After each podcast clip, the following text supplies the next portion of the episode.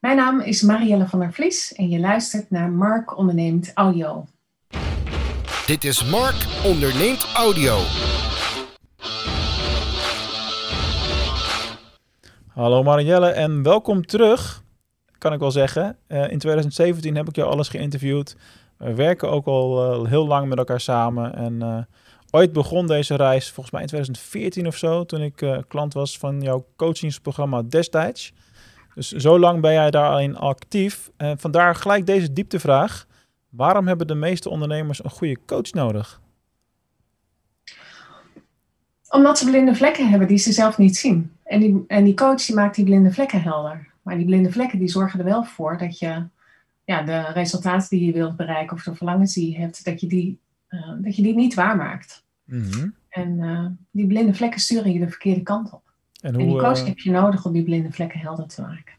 En hoe zorg je er überhaupt voor dat, dat, als dat de ondernemers in de gaten hebben van hé, hey, wacht, ik heb, want ik heb ook een blinde vlek voor het feit dat ik een coach nodig heb natuurlijk.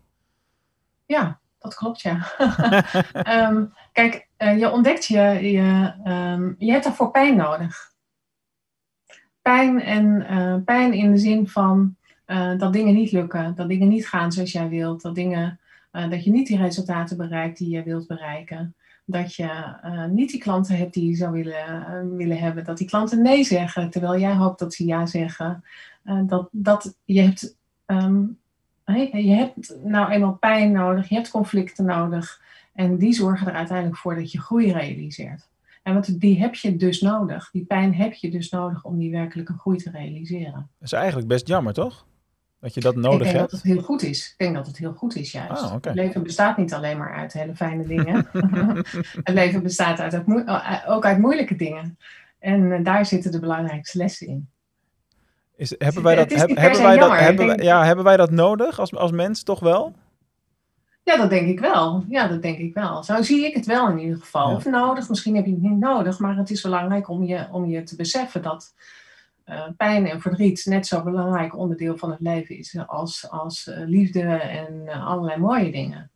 En als je alleen maar de liefde en de mooie dingen wilt, dan leef je eigenlijk maar voor de helft.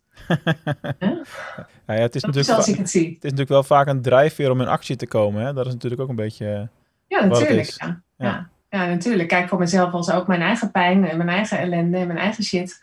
Was, is ook altijd een reden geweest om uh, dingen op een andere manier te gaan doen. En mm. uh, in, inderdaad in actie te komen. En uh, um, ja, keuzes te maken, besluiten te nemen. En ja. uh, natuurlijk is het ook heel fijn om, uh, om uh, het, fijne dingen te hebben. En, maar ik denk dat die pijn echt nodig is om de groei te realiseren waar je naar verlangt. Zeker als ondernemer. Ja, ja, ja als volwassen mens is groeipijn heel wat anders als, als kind. Dan kun je letterlijke groeipijn hebben natuurlijk. Oké, okay, top. We zijn warm gedraaid. laten we even een, ja. paar, een paar tandjes terugdraaien. Zoals dat gebruikelijk is in deze show in elk geval. Um, we beginnen even bij het begin. Uh, ik heb je natuurlijk al eens eerder geïnterviewd uh, in 2017. Ja. Dus mocht je dit luisteren en denken van... hé, hey, dat andere gesprek wil ik ook wel even horen... dan kun je het best even googlen naar DGOC spatie Marielle van de Vlies... of DGOC spatie succes met je bedrijf. Dan, dan vind je hem nog wel, want hij staat niet meer in alle streams. Soms zijn dingen ook gewoon outdated en dan... volgens mij zegt Apple Podcast tegenwoordig ook automatisch na 12 maanden wordt niet meer alles getoond. Zoiets. Hoe dan ook, zoek hem op. Uh, dus laten we lekker beginnen bij het begin. Wie is Marielle? En wat heeft je gebracht tot het punt waar je nu staat? Ja, wie ben ik? Nou, kijk, ik ben vooral vrouw, um, partner, moeder, ondernemer. En um, ik voel mij vooral geroepen om ondernemers te helpen het beste uit zichzelf te halen. Kijk, ik Um, en, en dat, uh, dat is echt ontstaan door het pad wat ik zelf heb bewandeld. Hè, toen, ik, uh, um, toen ik begon als ondernemer, dat was in 2012. Ik ben in 2012 al begonnen met het ondernemerschap. Toen dacht ik gewoon van, hè, net als waar, dacht ik dat ik het allemaal kon. Hè. Ik had 15 jaar lang in de commerciële dienstverlening gewerkt en ik werd ontslagen. En ik dacht, nou, hoppakee, ik ga voor mezelf beginnen. En binnen no time heb ik de boel op de rit en ga ik er heel veel geld mee verdienen. Ja. En uh, nou ja, over pijn gesproken, dat lukte dus allemaal niet. maar ja, je had wel een goede Pipi Lankas instelling. Ja, ja, ja zeker. ja. Zo van, en dat heb ik trouwens nog steeds. Van, ik weet niet hoe het gaat. Ik, ik, weet, ik, uh, ik weet niet hoe ik het moet doen, dus ik kan het. Ja. Zo, iets in die trant. Maar um, um, ik ben in 2014 begonnen met Succes met je bedrijf. En daar ben ik gewoon mee begonnen. Maar mijn drijfveer was in eerste instantie vooral heel veel geld verdienen en heel veel klanten krijgen. Hè? Dat was eigenlijk de drijfveer waarmee ik mijn ondernemerschap begon. Mhm. En gaandeweg is dat veranderd naar um, dat ik veel meer gedreven ben om mensen, mensen van betekenis te zijn en uh, werkelijk uh, hen te ondersteunen in, in echt zichzelf te zijn. Omdat ik geloof dat wanneer je je werkelijke potentie leeft en wanneer je het allerbeste uit jezelf haalt, dat nou ja, die, die enorme gevulde bankrekening en uh, die, uh, die hoeveelheid klanten vanzelf komen, dat die daar veel meer in resultaat van zijn. Maar heeft het ene niet wel met het andere te maken? Want je, je, omschrijft eigenlijk precies de, de groeipijn van de beginnende ondernemer. Hè? In het begin heb je gewoon vaak gewoon toch die eerste omzetflow uh, heb je nodig. En, en vaak pas als er enige vorm van financiële rust is, kom je eraan toe om, om na te denken over uh, wat wil ik eigenlijk echt. Ja, dat is natuurlijk wat het pad wat veel ondernemers bewandelen, zeker. En waar sommige ondernemers tergend lang over doen. Hè? Mhm. Waarom ze, waardoor ze heel erg lang in die pijn blijven zitten van het gebrek aan klanten en het gebrek aan, um, aan geld. Maar het paradoxale is dan juist, hè, want je, je zou zeggen van de neiging, je hebt de neiging om eerst ervoor te zorgen dat je ja, dat een beetje op de rit krijgt en dat je dat, uh, nou ja, een uh, basisinkomen hebt en, en uh, een, een continue stroom van klanten hebt. Maar het paradoxale is nou juist dat je, wanneer je andere keuzes maakt en het op een totaal andere manier gaat doen, dat het veel moeitelozer kan. Ja, dat is inderdaad wel echt zo. Ja. Ja. ja. Maar dat, Dus dan- dat, dat, dat- vaak als de nood hoog is, dan is het misschien wat het moeilijkst om, eh, om die rust te bewaren. Die je dan juist Ja. nodig hebt. Ja, dat is super moeilijk. Ja. Maar wel het moment om het anders te gaan doen. Het belangrijkste moment. Bizar, eh, eigenlijk best een paradox hè, in het ondernemerschap. Ja, ja Want je hebt, zeker. eh, Daarom hebt- is het ook zo moeilijk, omdat het zo totaal tegenovergesteld lijkt. Maar dat is Ja. het dus niet. Nee, ja, je hebt de neiging om... eh, in zo'n fase heb ik ook ooit, ooit wel eens gezeten. Denk een jaar of zes, zeven geleden of zo. In de overgang van de luisterboeken naar het marketingbureau. En d- dan ga je gewoon echt letterlijk al je LinkedIn-connecties af. En je stuurt iedereen berichten en je doet van alles en nog wat. En er, Ja. er komt niks uit. En op het moment dat je er niet meer naar op zoek bent... dan komt de ene naar de andere aanvraag binnen. Exact, ja. ja dus, kijk, dat is ook wat ik zelf, eh, zelf heb gedaan in mijn eigen ondernemerschap gedurende, nou ja, zeker in die beginjaren. eh, waarin je zo naar klanten verlangt en eh, dat geld moet verdienen. Hè? Want ik moest dat natuurlijk ook in mijn beginperiode. Want ik, had geen, en ik heb er nooit een baan naast gehad. Dat je de neiging hebt om veel, meer- steeds meer te doen en steeds harder te werken. En ik bevond mij op enig moment ook 's ochtends, vanaf 6 uur 's ochtends tot 's avonds 11 uur bij wijze van spreken achter de computer. Ja. Hè? En nou ja, ik had daar wel resultaten uit. Maar mm, ehm, ja, op enig moment ehm, is, het, is, is het gewoon uit balans. Dan is het te hard werken voor eh, toch te weinig inkomsten. Dan gaat er toch iets niet goed. En op het moment dat je dingen op een totaal andere manier gaat doen. En dat is het moeilijke, want en dat is ook wat ik bij mijn klanten, wat ik bij mijn klanten zie. En wa- waar ik mijn klanten ook steeds weer toe uitnodig. Van stop met steeds dat te doen. Hè? Stop met zoveel te doen.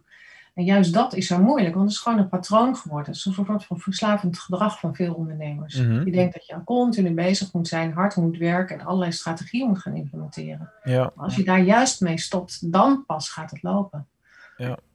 Ja, maar het- het- je kunt, eh, je kunt ook een, een, een- een beeld scheppen naar de buitenwereld toe dat je continu bezig bent, terwijl dat niet per definitie eh, zo is. Hè? Want het is niet, tenminste in mijn optiek, niet slecht om continu zichtbaar te zijn, bijvoorbeeld. Nee, zeker niet. Zeker niet. En het is ook helemaal geen probleem om veel uren te maken. Daar, dat is helemaal geen Ja. probleem.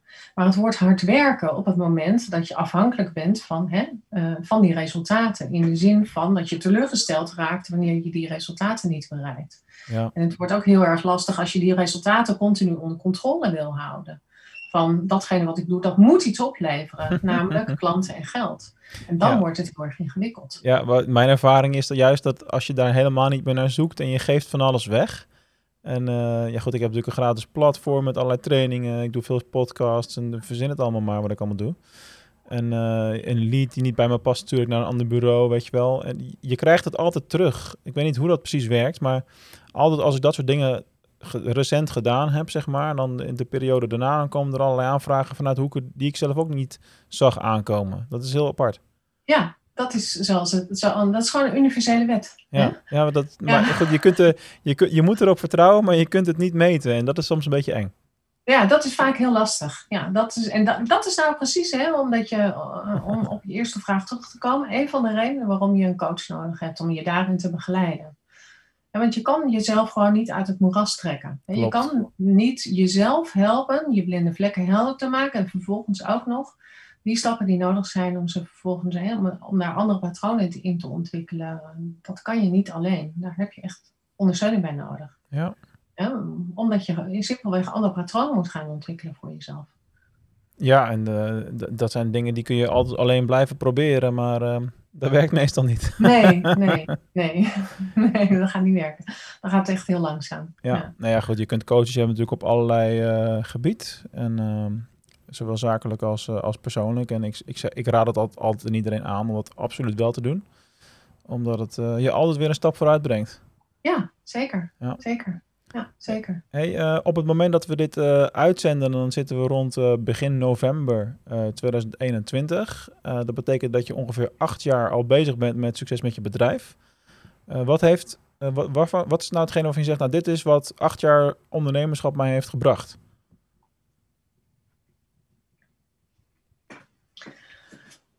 Heel veel plezier. Heel veel mooie mensen. Uh, maar ik heb zelf, um, ik zie het ondernemerschap echt als een heel groot groeipad. Ik heb daar zelf ontzettend veel van geleerd. Mm uh, over mezelf vooral.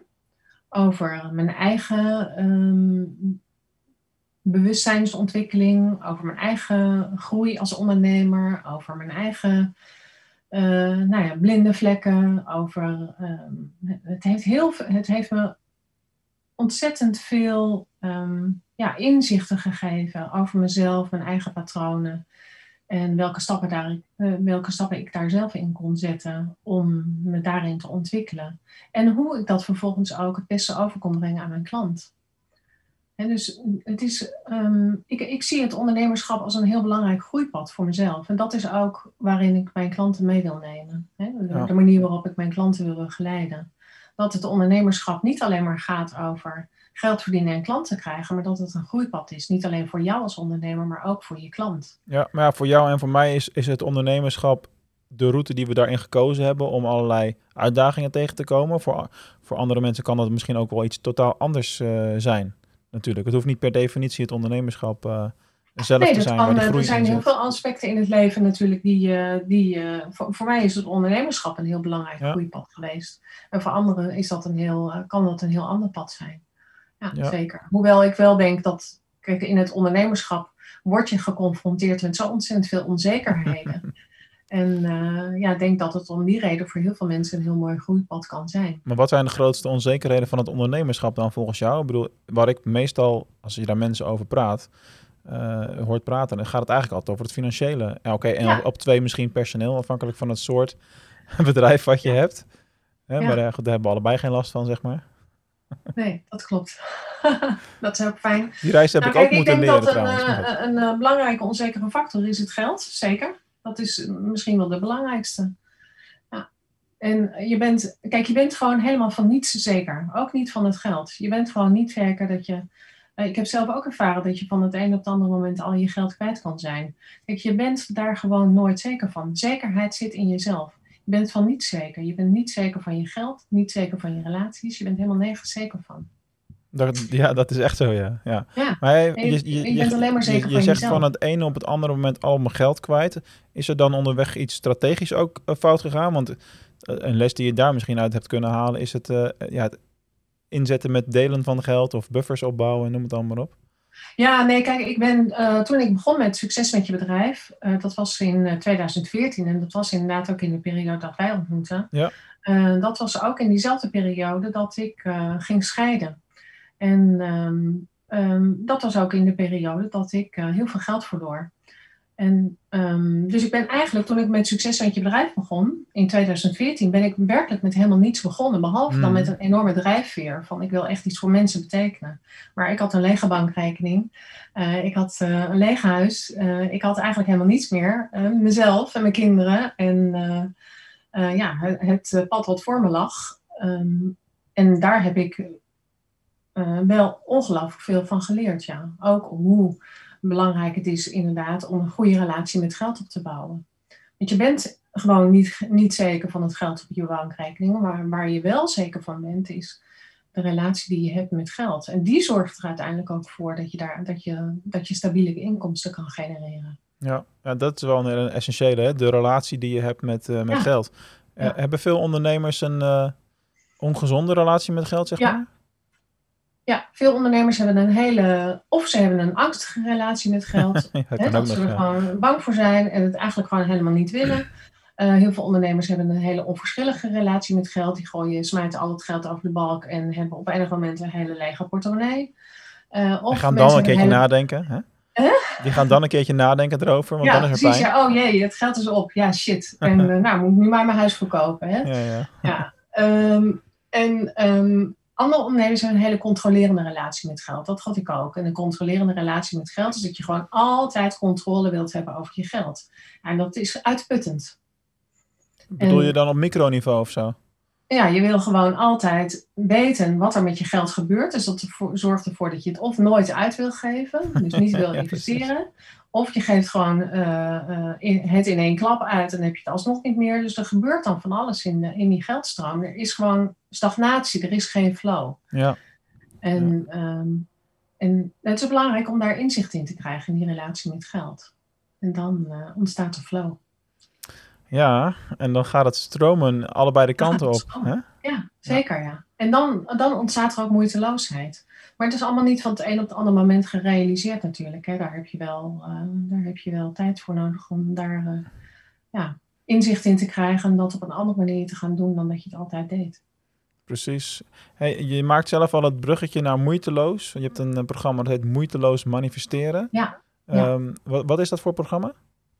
Dat is een, nou, het is een masterclass, moeiteloos manifesteren. En in die masterclass ehm, ehm, ja, geef ik mensen inzicht in dat hard werken niet nodig is. Dat het ook op een veel zachtere manier kan en dat het veel meer vanuit flow kan. Ja, En eh, het is wel belangrijk om heel duidelijk te maken dat eh, hard werken gaat niet per se. Hè, dat, ik bedoel daar niet per se mee te zeggen dat je eh, niet veel uren hoeft te maken in je business. Hè? ja dat Daar is gaat goed om om, uit te leggen inderdaad. ja, eh, dus wel mensen denken dan ja, dat, dat zachtheid of dat flow gaat over niets hè, zonder dat je wat voor Ga maar dat lekker op het terras zitten, ja. Ja, precies. Ja, dat je dan alsnog geld verdient. Er maar dat is niks. Nee. Nee, het gaat erover eh, de mo- moeiteloosheid. Het gaat erover dat je er geen stress meer van hebt. Ja, maar dat is de essentie, Maria, wat je nou zegt. Want eh, kijk, wij nemen nu iets op voor november 2021. En luister, als je lu- luistert en ik vertel dit nu, schrik niet. Het is nog juli op dit moment. Hè, dus over eh, moeiteloos werken gesproken. Ik werk gewoon vaak in periodes van rust lekker vooruit met dit soort dingen, zoals content. Ik, de andere podcast, de online marketing podcast, is al opgenomen tot en met december. Eh, mijn vriendin die daar de social media content van maakt, die stuurde mij vanmorgen een bericht. Gast, heb je echt al content tot eind december? Moet ik er allemaal eh, plaatjes van maken? Ja. Weet je wel? Dus ja, wat is is hard werken? En, en ehm, eh, dat heeft te maken met wanneer doe je dingen. En, maar voor de buitenwereld, als ik straks in oktober in een wat drukkere fase zit... ehm, ja, dan lijkt het net alsof ik alles tegelijk aan het doen ben natuurlijk. Maar dat is helemaal niet zo. En, eh, en, en, en wat ook misschien een essentieel ding is, en dat zal je vast met me eens zijn, is ervaar je hetgene wat je doet als werk of niet? Want als je mij meer vrije tijd zou geven, ja, dan zou ik waarschijnlijk nog twee keer zoveel van dit soort interviews opnemen. Gewoon puur omdat het voor mij meer een hobby is. Ik vind het gewoon leuk. Ik ervaar Ja, het als hobby. ja. Het levert van alles op, maar ik ervaar het als hobby. Ja, en als je dat hebt, als je dat gevoel hebt, ja, dan maakt het aantal uren echt geen fluit meer uit. Nee, nee, dat klopt. Puur voor Eh, jezelf kijk- dan, hè? Ja, ja, nee, daar ben ik helemaal met je eens. En dat, dat, is, ook, dat is ook zo super belangrijk. Dat je dagelijks plezier hebt in wat je doet en wat, je, en natuurlijk mag je er een keer stress bij hebben, maar als je continu stress hebt over geld en over klanten en over nou, waar je dan ook allemaal stress over kan hebben, uh, en allerlei andere aspecten in je leven, en die hele business die heeft uh, vervolgens zo enorm vat op jouw leven, zo'n enorme plek in jouw leven gekregen, dan zijn zaken gewoon uit balans. En dan moet je dat, ja, dan, dan is het gewoon continu hard werken. Hè? En, en moeiteloosheid gaat er dus over dat al die aspecten in je leven veel meer in balans zijn. Ja. ja en, dat, dat je inderdaad plezier hebt in wat je doet. ja, en, en, en wat die balans voor jou ook is, toch? Ik bedoel, uh, kijk, op het moment dat je kinderloos leeft bijvoorbeeld, zal die balans er anders uitzien als ja, uh, wanneer je met een gezin rekening hebt te houden. Ja, zeker. Kijk, uh, ik ben alleenstaande moeder. ik heb twee puberdochters. en ja, mijn oudste dochter die gaat dan nu studeren. Uh, ik heb uh, een, een, business, ik heb een aantal klanten, ja. ik heb ook nog een partner. Ja, ik heb ontzettend veel ehm, ja, dingen op mijn bord liggen en aspecten in mijn leven, zeg maar, hè, die ik allemaal een plek wil geven. Dus um, ik vind, hè, ik vind het belangrijk om dat in balans te houden. Wanneer ik alleen maar aan het werk zou zijn en alleen maar bezig zou zijn met mijn business, dan raak ik het uit balans. Ja, ja inderdaad. Dat is vrij simpel. Ja, nou, goed, dat geldt natuurlijk voor, uh, voor iedereen. Er zijn allerlei dingen die je moet proberen maar voor ja, jezelf dat betekent in balans te ook, hè? Ja, dat, maar weet je, dat betekent dus ook dat je soms um, moet besluiten om dingen niet te doen. Hè? Mm. Dat je soms moet besluiten om uh, bijvoorbeeld bepaalde strategieën. Hè, we hadden het daar straks ook bijvoorbeeld over podcasts opnemen. Uh, dat je soms uh, moet besluiten dat je bepaalde strategieën nu nog niet implementeert. Misschien Ja. zou je ze wel willen, maar Ja. is er gewoon nu nog geen ruimte voor. Hè? Dus het betekent ook bewuste besluiten nemen. En daar dan ook de consequenties van dragen. ja, nee, de kracht van nee is echt super, eh, Ja. super belangrijk. Je kunt niet alles tegelijk. Je kunt wel veel dingen tegelijk, is mijn ervaring. Ja, maar er gaan, altijd, ervaring. er gaan altijd een paar dingen omvallen. Ja. En, en dat is ook helemaal niet erg. Ja, ja, het is wel cool trouwens dat jij eh, die podcast tot en met eh, november, december al eh, zo. Ja, ja, ja. ja dat, geeft ook, hebt. dat geeft ook rust. Ja, zeker. Dat geeft ontzettend veel rust, ja. Ja. ja. Dat Ik is, geloof eh, ook dat, dat, dat het mogelijk is voor iedereen. Hè? Los van eh, wat je situatie ook is. Ja, nou goed, ik benoem het af en toe in de interviews dat het eh, van tevoren is enzovoort. En dat doe ik gewoon ook om het bewustzijn bij de luisteraar te creëren. Van luister, dit kun jij ook als strategie gebruiken. Ja, en eh, doe er je voordeel mee. Dat is natuurlijk wat er uiteindelijk achter zit. Ja. Dus nee, dat is, dat is inderdaad een van de geheime business hacks die ik gebruik graag. Absoluut. Mooi. Eh, je hebt een nieuw eh, e-book, wat volgens mij geen nieuw e-book is, eh, op je site staan. Wat, de succesmethode, wat is dat? De succesmethode. Ehm, ik heb ehm, die succesmethode natuurlijk al heel lang geleden geschreven. Ik heb in 2016 mijn eerste boek geschreven, Succes met je bedrijf. En in mijn boek Succes met je bedrijf heb ik de succesmethode behandeld. En die succesmethode, dat blijft gewoon een super, waarde, een super waardevolle methode voor ondernemers. Waarin ik beschrijf welke stappen je kan zetten. hè, Of welke stappen je ik aanraad te zetten om dat succes te bereiken waar je naar verlangt. En ehm, ja, die su- succesmethode heb ik ehm, gewoon een nieuwe layout gegeven. Eh, ik heb hem hier en daar aangepast. Ik heb een aantal opdrachten en een aantal templates toegevoegd. En die heb ik nu opnieuw beschikbaar gesteld, die succesmethode. Ik, eh, en dan in dat e-book wat ik nu op mijn website beschikbaar stel, behandel ik dus een, een, alleen de succesmethode. Dus dat is een, eh, een heel, eh, ja, is een, een, hele korte samenvatting eigenlijk van alles wat er in mijn boek staat. Als je de uitgebreide versie wil, wilt hebben, dan zal je mijn boek moeten kopen. Maar die succesmethode is de verkorte versie. Maar het is alsnog waardevol, ook omdat die opdrachten en die templates erbij zitten. Ja, en eh, ja, dat kun je gewoon uitprinten dan natuurlijk eventueel. Ja, ja. ja in, die, in die succesmethode behandel ik zes stappen, hè, zes successtappen. Dus iedere letter van het woord succes staat voor een bepaalde stap. Oh ja, natuurlijk. Ja. Ja, Dus, had- en die zes stappen die behandel ik in dat boek. zo had, zo had ik eh, vorige week ook een interview, eh, als ik me niet vergis in het uitzendschema, daar moet ik wel even bij zeggen, met Daisy Gordijn. En bij haar ging het dan over de bestseller methode. En dan was het natuurlijk ook, elke letter stond weer voor iets. Ja, En Ja. eh, ja. dat is ook een beproefde methode op de een of andere manier. Hè? Dat je zo'n afkorting claimt Of dat je een Ja. woord gaat claimen en dat je daar dan een model omheen, eh, Ja. omheen bedenkt eigenlijk. Ja, zeker. Het is gewoon super eh, duidelijk voor je, voor je lezer. Dat hebben we natuurlijk al sinds de jaren 80 met het 4P-model van Kotler. Prijs, plaats, promotie. En was die vierde ook weer? Personeel. Dan weet ik, ja, ja, ja, ja. Maar nee, dat is de vijfde P. Dat klopt trouwens niet eens. Ik weet het even niet precies wel waar die P's allemaal voor staan. Kan ik niet, eh, heb ik even niet paraat. Ja. Maar, En ik Eh, geef, marketing, op- ik geef nog marketingles ook, dus dat is helemaal bizar. oh, Ja, je, gebruikt ze in de pra- je gebruikt ze in de praktijk nou maar toch toch, nooit. even opzoeken straks. Ja, ik ga wel weer terug naar school. ja. Maar ja, dat soort methodes die geven gewoon heel veel duidelijkheid, heel veel helderheid. Hè? Want zo'n- het voordeel van, zo- van het werken met zo'n Plaats, methode... plaats. Sorry, ik even te binnen. Oh, oké, je hebt hem. Het gaat je toch irriteren. Ja.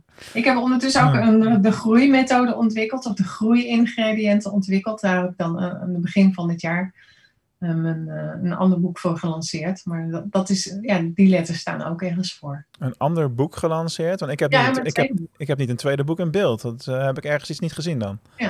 Ja, ik heb mijn tweede boek gelanceerd eh, maart, maart geloof ik. Gaaf. Of nee, nee, nee, dat is helemaal niet waar. Want Ja, dat dat- heb ik gelanceerd op 28 april, op mijn verjaardag.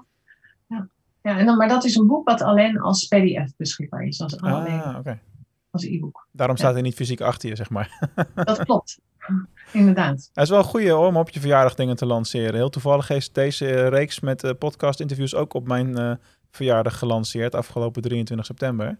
Toen werd ik eh 40, dus dat leek mij wel een goed moment om met iets te komen, zeg maar. Ja, het is altijd, altijd belangrijk om ehm, dingen te lanceren op momenten die, ja, heel bepaalde, ja, zeker.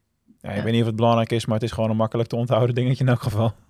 Daarom, ja, daarom. En sommige dingen is het belangrijk. En soms moet je gewoon je kans grijpen. En soms dan is het belangrijk om bepaalde, zeker als ondernemer, is het belangrijk om bepaalde momenten te gebruiken om die kansen te grijpen. Nou, dat is het. Je kunt natuurlijk, eh, ja, als je zo'n moment hebt, kun je er commercieel eh, iets leuks Ja. van maken, zeg maar. Ja, natuurlijk. En als je waardevolle dingen doet voor je klant, waarom niet? Ja. Als je daarmee op die manier veel mensen kan bereiken in korte tijd, moet je dat zeker doen. Zo is dat. Hey, eh, een van de dingen die opvalt in jouw businessmodel is dat jij ook eh, probeert te werken of sowieso werkt volgens de high-end eh, methode, zeg maar. Ja, Dat is toch klopt. eh, de laatste jaren erg in trek bij veel, met name de coachende ondernemers natuurlijk. Hoe ziet dat high-end businessmodel er voor jou uit? Ja, ehm, dat vind ik een mooie vraag. Kijk, high-end business model, mensen hebben daar dan het associatie bij dat het dure programma's zijn. Dat, dat gaan we even waar tackelen nu. je- Eh, dure programma's en dan eh, hebben ze, zijn ze altijd sceptisch over, eh, v- verdien ik het wel terug of krijg ik wel die waarde eruit of weet ik het wat. Mhm. Ik denk dat high-end veel meer gaat over de kwaliteit van je dienstverlening en de resultaten voor je klant. Je hebt gewoon helemaal gereed aan als jij 6000 euro voor een programma vraagt en je klant gaat via de achterdeur weg omdat hij ontevreden is over de kwaliteit van jouw dienstverlening. Dus ik heb ehm, mijn high-end dienstverlening gaat over de kwaliteit van mijn dienstverlening en de kwaliteit van mijn programma's en mijn focus op het resultaat van de klant. Dat is voor mij high-end.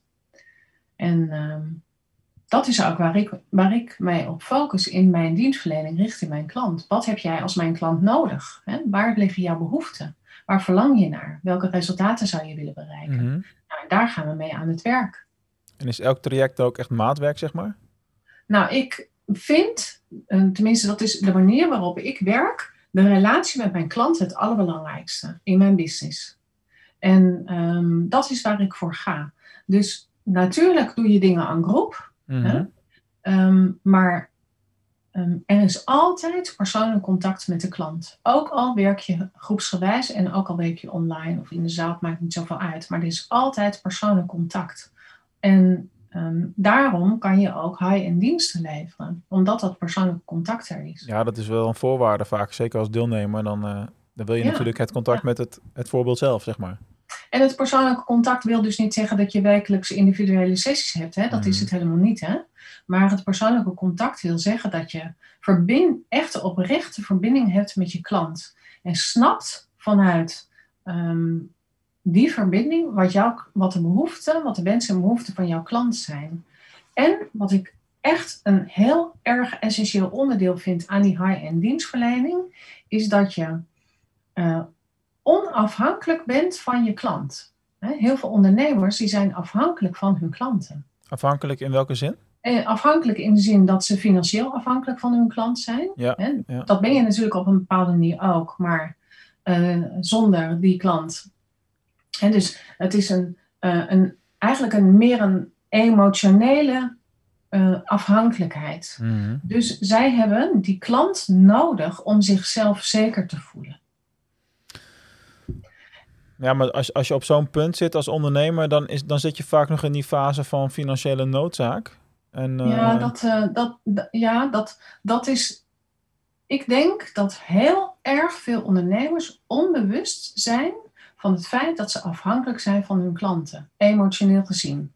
En dus dat ze eigenlijk vinden dat hun klanten zich op een bepaalde manier moeten gedragen. Oh ja, Dat ze vinden dat hun klanten bepaalde dingen moeten doen. Dat ze vinden dat hun klanten bepaalde strategieën moeten implementeren. Dat ze vinden nou, dat ze een oordeel hebben over eh, het gedrag van hun klanten. Allemaal dat soort dingen. Dat maakt dat je als ondernemer afhankelijk bent van je klant, begrijp je? Ja, En dan is het ontzettend moeilijk om als high-end business coach, hè, ehm, in, als, je, als je een afhankelijkheidsrelatie hebt met je klant, in, op die manier is het ontzettend moeilijk om als coach echt oprecht advies aan je klant te geven. Want wat je dan namelijk gaat krijgen, en dat is een onbewust patroon, is dat je klant eh, zich gaat, eh, de dingen gaat doen, gaat implementeren omdat jij het wil. in plaats van omdat hij het zelf eh wil. Precies. Ah, Oké. Ja, precies, ja. En dat vind ik eigenlijk nog wel het allerbelangrijkste aspect aan, aan high-end business coaching. Ehm, hoe, eh, stel je zit in zo'n traject hè, Mhm. en je hebt eh, je eerste sessie gehad met een klant en je, je adviseert zo'n klant. En een maand later heb je je tweede sessie gepland. Dan ga je in feite, of je nou of onafhankelijk van je klant ervan staat of niet, ga jij toch peilen wat heb je daadwerkelijk gedaan. Mhm, Hoe, mhm. hoe, eh, hoe ziet jouw pad als coach er dan uit op het moment dat niet alles wordt eh, opgevolgd? Je, kan, ja, je kunt je er los van willen maken, emotioneel gezien, maar het blijft natuurlijk voor het succes van jouw klant belangrijk dat dingen wel gedaan worden. Ja, maar daar is de klant helemaal vrij in. Hè? Dus die verantwoordelijkheid, of, die, of de klant dat wel of niet doet, ligt volledig bij de klant zelf. Ja, Dus die verantwoordelijkheid ligt niet bij mij. Mijn verantwoordelijkheid is om mijn klant te ondersteunen bij datgene wat hij nodig heeft. En het maximale, hè, de, de klant te ondersteunen, het maximale uit zichzelf te halen. Dus ik zie het als mijn taak als business coach dat ik bij die klant helder maak door die klant bewust te maken van de blinde vlekken die hij heeft Mhm. bij die klant helder te maken wat de volledige potentie is van die klant. De klant daarin te ondersteunen, dat te zien bij zichzelf.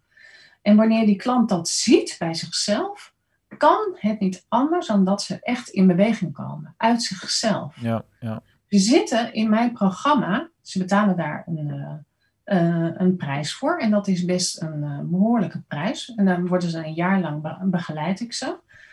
Maar deze mensen zijn gecommitteerd. Mhm. En die willen er oprecht voor gaan. En die eh, voelen ook verantwoordelijkheid jegens zichzelf, maar ook jegens hun eigen klanten.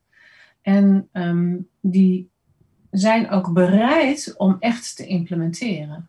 Dus op het moment dat ik met hen in gesprek ben, en het is niet een gesprek van eens per maand, hè, want we hebben wekelijks contact, omdat ik ook allerlei andere contactmomenten heb ingebouwd. Uh, dus het is uh, iedere keer weer de klant um, stimuleren om naar zichzelf te kijken, die potentie in zichzelf te zien, het maximale uit zichzelf te halen en van daar steeds weer in beweging te komen. En ja, of die klant dan de strategieën implementeert die ik hem adviseer of allerlei andere strategieën implementeert, daar is die klant, um, daar is die klant zelf verantwoordelijk voor. Kijk, en ik heb bijvoorbeeld ook klanten hè, die, um, en dat, dat is zo belangrijk om dat ook te zien. Hè, die um, bij mij komen omdat ze een succesvolle business willen en uh, um, een, uh, goed willen verdienen en klanten willen. Maar in de gesprekken blijkt dat ze bijvoorbeeld een verstoorde relatie met hun partner hebben. Mm-hmm. En dan kan, je, dan kan ik natuurlijk hen adviseren om allerlei strategieën te implementeren. Maar hoe fijn is het? Hè? Want ik geloof namelijk dat bijvoorbeeld die verstoorde relatie met hun partner hen beperkt in hun ondernemerschap. Ja, tuurlijk. Dus ik ga met hen daarover in gesprek. Nou, en hoe fijn is het dan, hè? Dat die relatie zich eh, heel, hè, dat, dat er een liefdevolle relatie ontstaat met een partner waar je al 30 jaar mee getrouwd bent. Hè? Nou, en weet je, dat is echt oprecht succes. Ja. En dat is wat mij zo ongelooflijk blij maakt. Dat mensen dan dat soort stappen zetten, dat soort confrontaties aandurven te gaan, dat soort dingen doen.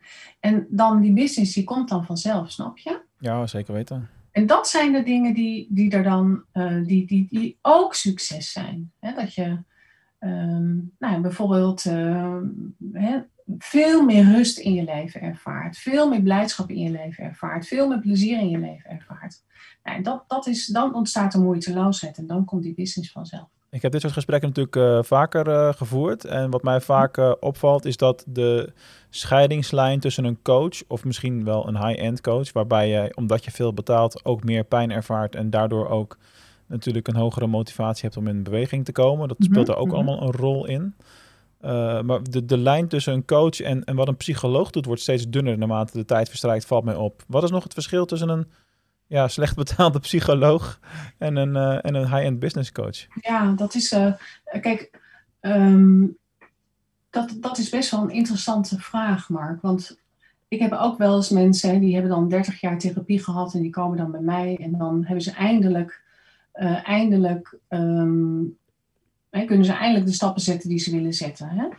Ehm, maar ik denk, ehm, ik denk dat het, het ehm, bewustzijnsontwikkeling hè, daarin een heel essentieel onderdeel is. Dus eh, zeg maar, je, eh, ik heb zelf in mijn eigen ontwikkeling ontzettend veel willen doen. Hè? Mijn eigen bewustzijnsontwikkeling, mijn eigen bewustzijnsgroei ontzettend veel willen doen. En dat is ook waarom ik zoveel voor mijn klanten kan betekenen. En waarom de kwaliteit van mijn werk zo hoog is. En waarom ik mezelf ook high-end business coach noem. Hè? Maar ehm, ik denk dat dat, dat voor, voor eh, psychologen, voor therapeuten, voor coaches, hè, voor, voor iedereen relevant is. Hè? Als, als ondernemer wil je als ondernemer echt eh, iets voor je klanten betekenen, betekent het dat je bij jezelf moet gaan beginnen. En Want als je, als je, als je en anders kan je datgene wat je klant nodig heeft niet aan je klant geven. Ja, dat, dat is eh, helemaal waar. Ja. Ja. en ja, wat die psychologen dan doen, of wat die therapeuten dan doen, of wat die coaches dan doen, waar mensen dan al 30 jaar bij onder behandeling zijn, ehm, ik weet het niet. Ehm, misschien is het ook een andere manier van, eh, van eh, brengen, een andere manier hè, dat, je, eh, dat er eindelijk een kwartje valt, dat mensen het al tien keer hebben gehoord en dat ik het net op een andere manier zeg, waardoor mensen het wel begrijpen. Nou, ehm, ik geloof niet dat er één reden is aan te wijzen of dat er, het zal een samenloop van dingen zijn.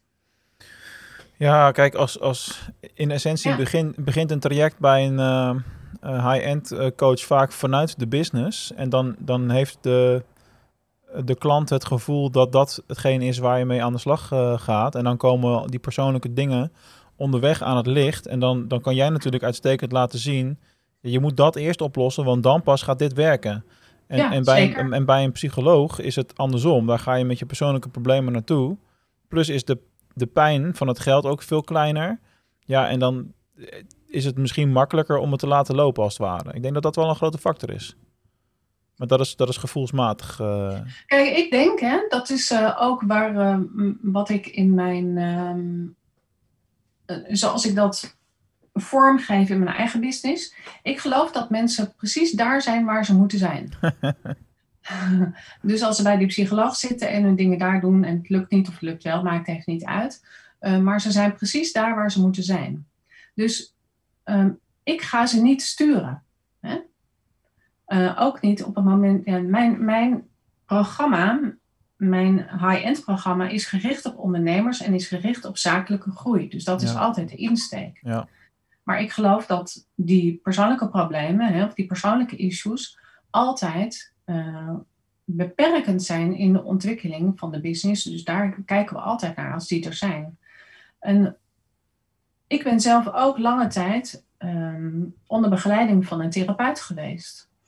En die begeleiding heeft mij zo ontzettend geholpen, omdat ik zelf heel erg, omdat ik daar zelf heel erg graag mee aan de slag wilde. En zelf heel erg graag ehm, ja, mij wil, in wilde ontwikkelen en in wilde groeien. Dus ik ben, was daar heel erg gecommitteerd. Die intrinsieke motivatie is echt heel ja, belangrijk. Ja, ik was heel erg gemotiveerd Ja. om daar, om daar ehm, ja, het maximale uit te halen. Ja, precies. En dat is ja, wanneer je bij een psycholoog zit en je wil daar resultaten van halen. En of je nou bij een psycholoog zit, of bij een therapeut, of bij een coach, of bij een webbouwer, maakt even niet uit waar je zit. Maar als jij de resultaten uit wil halen, dan zal je zelf in beweging moeten komen. Altijd waar. Ja, Dat wordt ook wel eens onderschat. Hè? Ik ga naar een, eh, naar een coach die eh, vertelt mij dat en dan wordt het opgelost. Nee, dan, ja dat, helaas. dat gesprek is pas het begin en daarna mag je aan het werk. Ja, precies. Ja. Bereid je voor. Ja, precies. Ja, Dat is toch wel een zeker. beetje wat het is. Ja. Ehm, we hebben een eh, interessante tijd achter de rug eh, in de wereld. Eh, dan refereer ik heel eventjes naar de coronacrisis. Geen idee wat de stand van zaken is op het moment dat dit uitgezonden wordt natuurlijk, maar dat zien we dan wel weer. Ehm, daarvoor heb jij heel veel gedaan met offline events. Ik ben daar zelf ook bij geweest. Ehm, daar is dus wel wat veranderd. Hoe ben jij te werk gegaan tijdens de lockdowns bijvoorbeeld? Ehm, nou, ik heb uiteindelijk online gewerkt. En eh, ik werkte inderdaad eh, altijd offline. Offline in de zin van dat ik mensen in mijn zaal ontving en dat ik eh, fysieke trainingen gaf. Ja, Ehm, ook omdat ik het belangrijk vind om mensen te ontmoeten. Omdat ik geloof dat in die ontmoeting, hè, in die fysieke ontmoeting, in die werkelijke verbinding echt groei ontstaat. Vind ik nu ook heel duidelijk te zien overigens in al die online activiteiten. Hè. Mensen zitten veilig achter een computer ehm, en ehm, nou ja, vinden het moeilijk om. Hè, het, het wordt steeds moeilijker om echt in contact te komen met mensen. Maar goed, ik heb uitsluitend online gewerkt en online mijn trainingen gegeven en mijn programma's online voortgezet. En eh, ja, daar ga ik dan nu weer verandering in brengen. Het is nu ook voor het eerst in, in mijn eh, carrière als ondernemer dat ik mijn klanten nog nooit fysiek heb ontmoet. ja precies. Ja, ja, ja. Nee, ik ben daar wel, Ja. wel iets bekender mee. Ik probeerde die Zoom-calls in plaats van fysieke afspraken in 2014 en 2015 ook al eh, ja, te doen. Want vanuit ja, Venlo ja, is alles ver weg. helemaal uit Venlo naar Amsterdam, ja. ja. Ja, ja, Ja. ja. dat, Ja. dat weet ik nog wel, ja. Was wel een mooie Ja. locatie trouwens, dat terzijde. Ja, dat was inderdaad een mooie plek, ja. Schreeuwend duur, maar het was inderdaad een mooie plek, ja. Ja. Ja. Goed, er is natuurlijk veel, eh, veel veranderd wat dat, eh, wat dat betreft. Eh, merk jij verschil in hoe het voor je deelnemers is? Of offline of online sessies? Want je hebt nu eigenlijk allebei gedaan, zeg maar. Ja. Ik denk dat je. ehm, ik denk dat online is heel waardevol. En er zijn absoluut redenen waarom je on- voor ehm, online dienstverlening kan gaan. Eh, en waarom je je programma's online kan geven. Maar ik denk, hè, wat, wat, wat ik heb gemist in het online, of wat ik heb willen, eh, willen waar ik heel eh, over heb nagedacht van hoe ga ik dat doen, is de interactie onderling tussen, de, mijn, tussen, de, eh, tussen mijn eh, deelnemers. Ja, ja dat snap ik Eh, wel. want nu zien ze elkaar op het scherm. en eh, eh, ja. Heeft iedereen dan wel de camera aan en zo? ja, precies. Dat is Nou, wel een gedoe. dat, dat is dan allemaal gelukkig wel op de, op de rit. Maar goed, die interactie in de zaal is toch interactie dan, een andere interactie dan op het scherm. Ja. En dat is denk ik precies wat belangrijk is, wat er in die zaal gebeurt. Die interactie tussen elkaar. En eh, dat is super leerzaam. Ik denk dat het mooi is als je hybride modellen gaat krijgen nu. Hè? Dus eh, af en toe online, af en toe offline. Zeker, dat is, eh, dat is zeker. eh, Dat is waar we naartoe zit in, zeker, mijn partner zit in het onderwijs. En dat is natuurlijk ook wat in het onderwijs heel veel. Ja, jij zit zelf ook in het Ja, daarom moet ik lachen. Ik weet er alles Ja. van.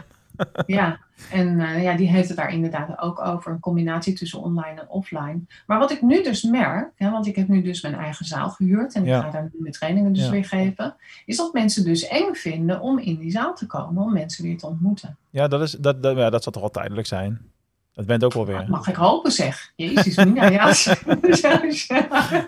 ja. ja. Kijk, ik vind het sowieso opvallend hoor. Hoe als, je, als ik dan bijvoorbeeld een van de onder- onderwerpen die ik eh, behandel in mijn programma is, eh, nou ga je klanten eens opbellen en ga gewoon eens vragen wat ze nou eigenlijk nodig hebben. Ja, hoe, hoe moeilijk mensen het vinden om eh, hun klant op te bellen. Ja, dat is, dat, nou ja, goed, daar heb ik ook toevallig een, eh, een leuk interview eh, over eh, gehad. Een paar weken geleden met Ingrid van Sloen. En die kan jij daar alles over vertellen. Over hoe je over die genre heen komt. En waarom je het gewoon moet doen. Die telefoon moet, het, moet pakken. Ja, Dus precies. ja, dat, Ja, dat is met heel precies, veel dingen ja. natuurlijk zo. Maar weet je wat het is? Je hebt ook gewoon van die tijdelijke ongemakkelijke dingen. Bijvoorbeeld twee of drie weken terug was ik voor het eerst weer eens op een event of iets. En er komt iemand naar me toe en die geeft me een hand. En automatisme is nog wel om een hand terug te geven, maar het voelde zo onwennig. Zo wow, wacht even, dit is fysiek contact. Hoe werkt het ook alweer? Ja, ja. ja Terwijl je dat thuis natuurlijk gewoon elke dag nog hebt, weet je wel. Maar dat is Ja, ja, het is, het heel apart om, om te merken dat je moet wennen aan de dingen die je heel erg eh, gewoon eh, vond altijd. Ja, Maar het, komt, het komt wel weer. Komt wel weer. Ja, daar vertrouw ik ook op. Ja. ja, daar vertrouw ik ook op. Het is in ieder geval wel een van de redenen waarom ik eh, mijn eigen trainingszaal heb gehuurd. Omdat ik het belangrijk vind om dat, dat fysieke contact echt tot stand te brengen. Hè? Of tenminste dat, eh, Ja. die on- dat onderlinge contact. Heel En, begrijpelijk, eh, en ik kan op die manier gewoon veel meer voor mijn klanten betekenen. inderdaad. Hey, we gaan een beetje richting het, eh, het slotstuk. Ik heb nog twee, een tweetal vragen voor je. Mhm. Waarvan de eerste is, wat zou je willen meegeven aan beginnende ondernemers? Dus mensen die nu aan hun reis beginnen of in het afgelopen jaar begonnen zijn. Welke les heb jij onderweg opgepakt waarvan je zegt, nou, als je dat eh, maar alvast weet, dan kun je ook een, of iets heel succesvols halen of iets van ellende voorkomen. Wat ik je aanraad om te doen als beginnende ondernemer is zo snel mogelijk in contact te komen met je klant. Heel veel ondernemers gaan een website bouwen, een logo maken en allerlei strategieën bedenken, op social media dingen doen. Doe het allemaal niet. Ga gewoon kopjes koffie drinken.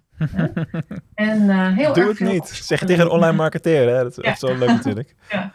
Nee, maar natuurlijk moet je het dan doen, hè? maar begin vooral gewoon in gesprek te gaan met je klant. En ga gewoon je klant vragen van wat heb je nou eigenlijk nodig? Ja, En ga op basis, op basis daarvan ontwikkelen. Dit is ook waar mijn succesmethode over gaat. Hè? Ja. Dit is ook zoals ik het heb gedaan. Ik ben gewoon in gesprek gegaan met mensen. En heel, heb heel veel kopjes koffie gedronken. En heel veel verkocht daardoor. Hè? Daardoor kan je gewoon vanaf dag één geld verdienen. Ja, maar weet je wat het is met online marketing? Mensen zien dat vaak als een alternatief eh, voor in plaats van. Eh, maar dat is natuurlijk helemaal niet hoe het, eh, hoe het werkt. En het, het- waarom mensen daar snel naar grijpen, is omdat het een relatief veilige methode lijkt. Hè, want je, je kunt het vanuit je comfortzone doen. En daar zit natuurlijk de crux. Wat jij zegt is eigenlijk, je vraagt eigenlijk de beginnende ondernemer om direct uit de comfortzone te treden. Daar leer je gewoon het meeste van. Ja, En eh, ja, als je snel succes wil als ondernemer, snel je de, de rit wil krijgen, eh, dan moet je gewoon eh, snel op je bek gaan en fouten maken. ja, ja. En, Lekker van ja, bellen. Hè? Ja, en gewoon lekker stotteren aan de telefoon. Maakt allemaal geen reet uit. Gewoon heel veel en vaak doen. Precies. En afwijzingen zijn nooit persoonlijk en al die... Nee, allemaal dat soort dingen inderdaad. Ja. dat kom je nou allemaal tegen. Nou, prima. Dat is allemaal goed. Le- Leer je gewoon superveel van. En met je snuffert op die camera, hè, bijvoorbeeld eh, web- webinars geven, hè, dat heb ik ook heel veel gedaan. Dat is ook heel goed. Hè? Niet alleen maar omdat je met je snuffert op de camera zit en ehm, iedereen naar je zit te kijken, maar ook omdat je iedere keer weer je verhaal doet. Hè? Iedere keer weer vertelt wat je, wat Ja. je dienstverlening is en eh, nou, wel- welke waarde je te delen hebt. Dus focus je op je klant, op de behoeften van je klant, op de waarde die je aan je klant kan geven. Ja, ja daar. De centrale vraag, hè, welk probleem los jij voor de klant op? Ja, Als je dat weet en je kunt dat brengen, dan eh, is er altijd wel business te halen. Ja, zeker. Nou, en dat is wat je moet gaan uitvogelen in die gesprekken, wat het urgente probleem van je klant is. Inderdaad. Top, dankjewel. Nou, ik heb nog één vraag voor je. Die moet je Ja. bekend voorkomen, want ik heb hem de- destijds ook gesteld.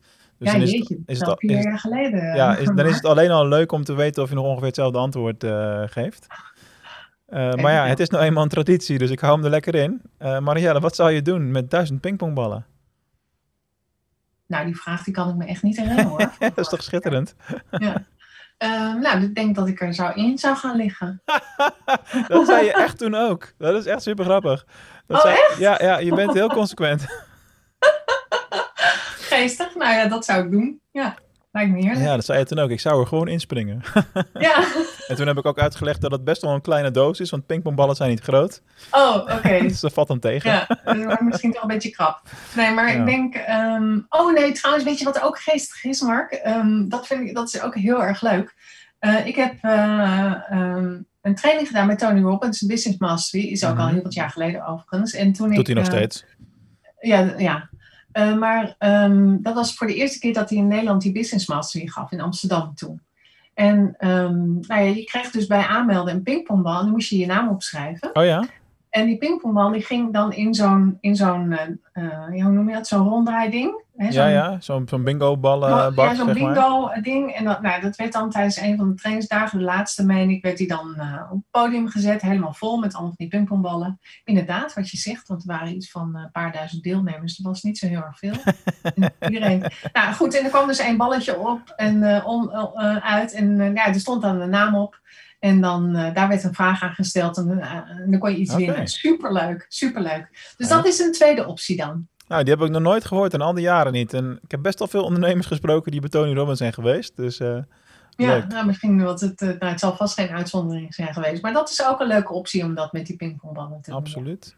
Hey, tot slot, wat zijn de plaatsen waar mensen jou kunnen opzoeken, meer over jou kunnen te weten komen, te leren, je e-book downloaden, noem maar op?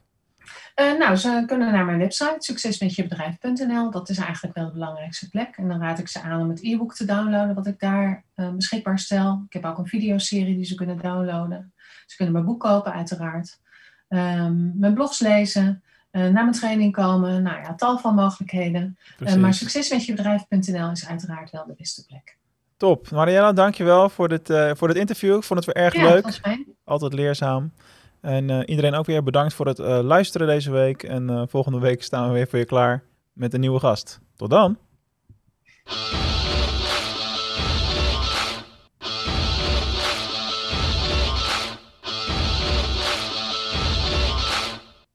Bedankt voor het luisteren naar Mark Onderneemt Audio. Ik hoop dat je weer vele inzichten hebt kunnen verzamelen uit dit interview met deze toffe ondernemer wat je net hebt kunnen horen. Denk je nou, ik kan ook wel wat hulp gebruiken in het ondernemerschap en wie weet is die Mark wel een goede coach voor mij?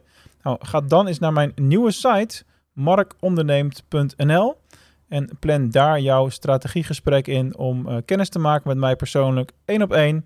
En uh, wie weet kan ik jou dan verder helpen in je ondernemersreis. En denk je nu, weet je wat, ik heb ook wel een tof ondernemersverhaal. Dat is dan nog een reden om naar markondernemen.nl te gaan. Want dan zou ik het tof vinden als jij misschien wel mijn volgende gast in de show bent. Dus meld je met jouw toffe verhaal op markondernemen.nl. En wie weet, spreken we elkaar binnenkort.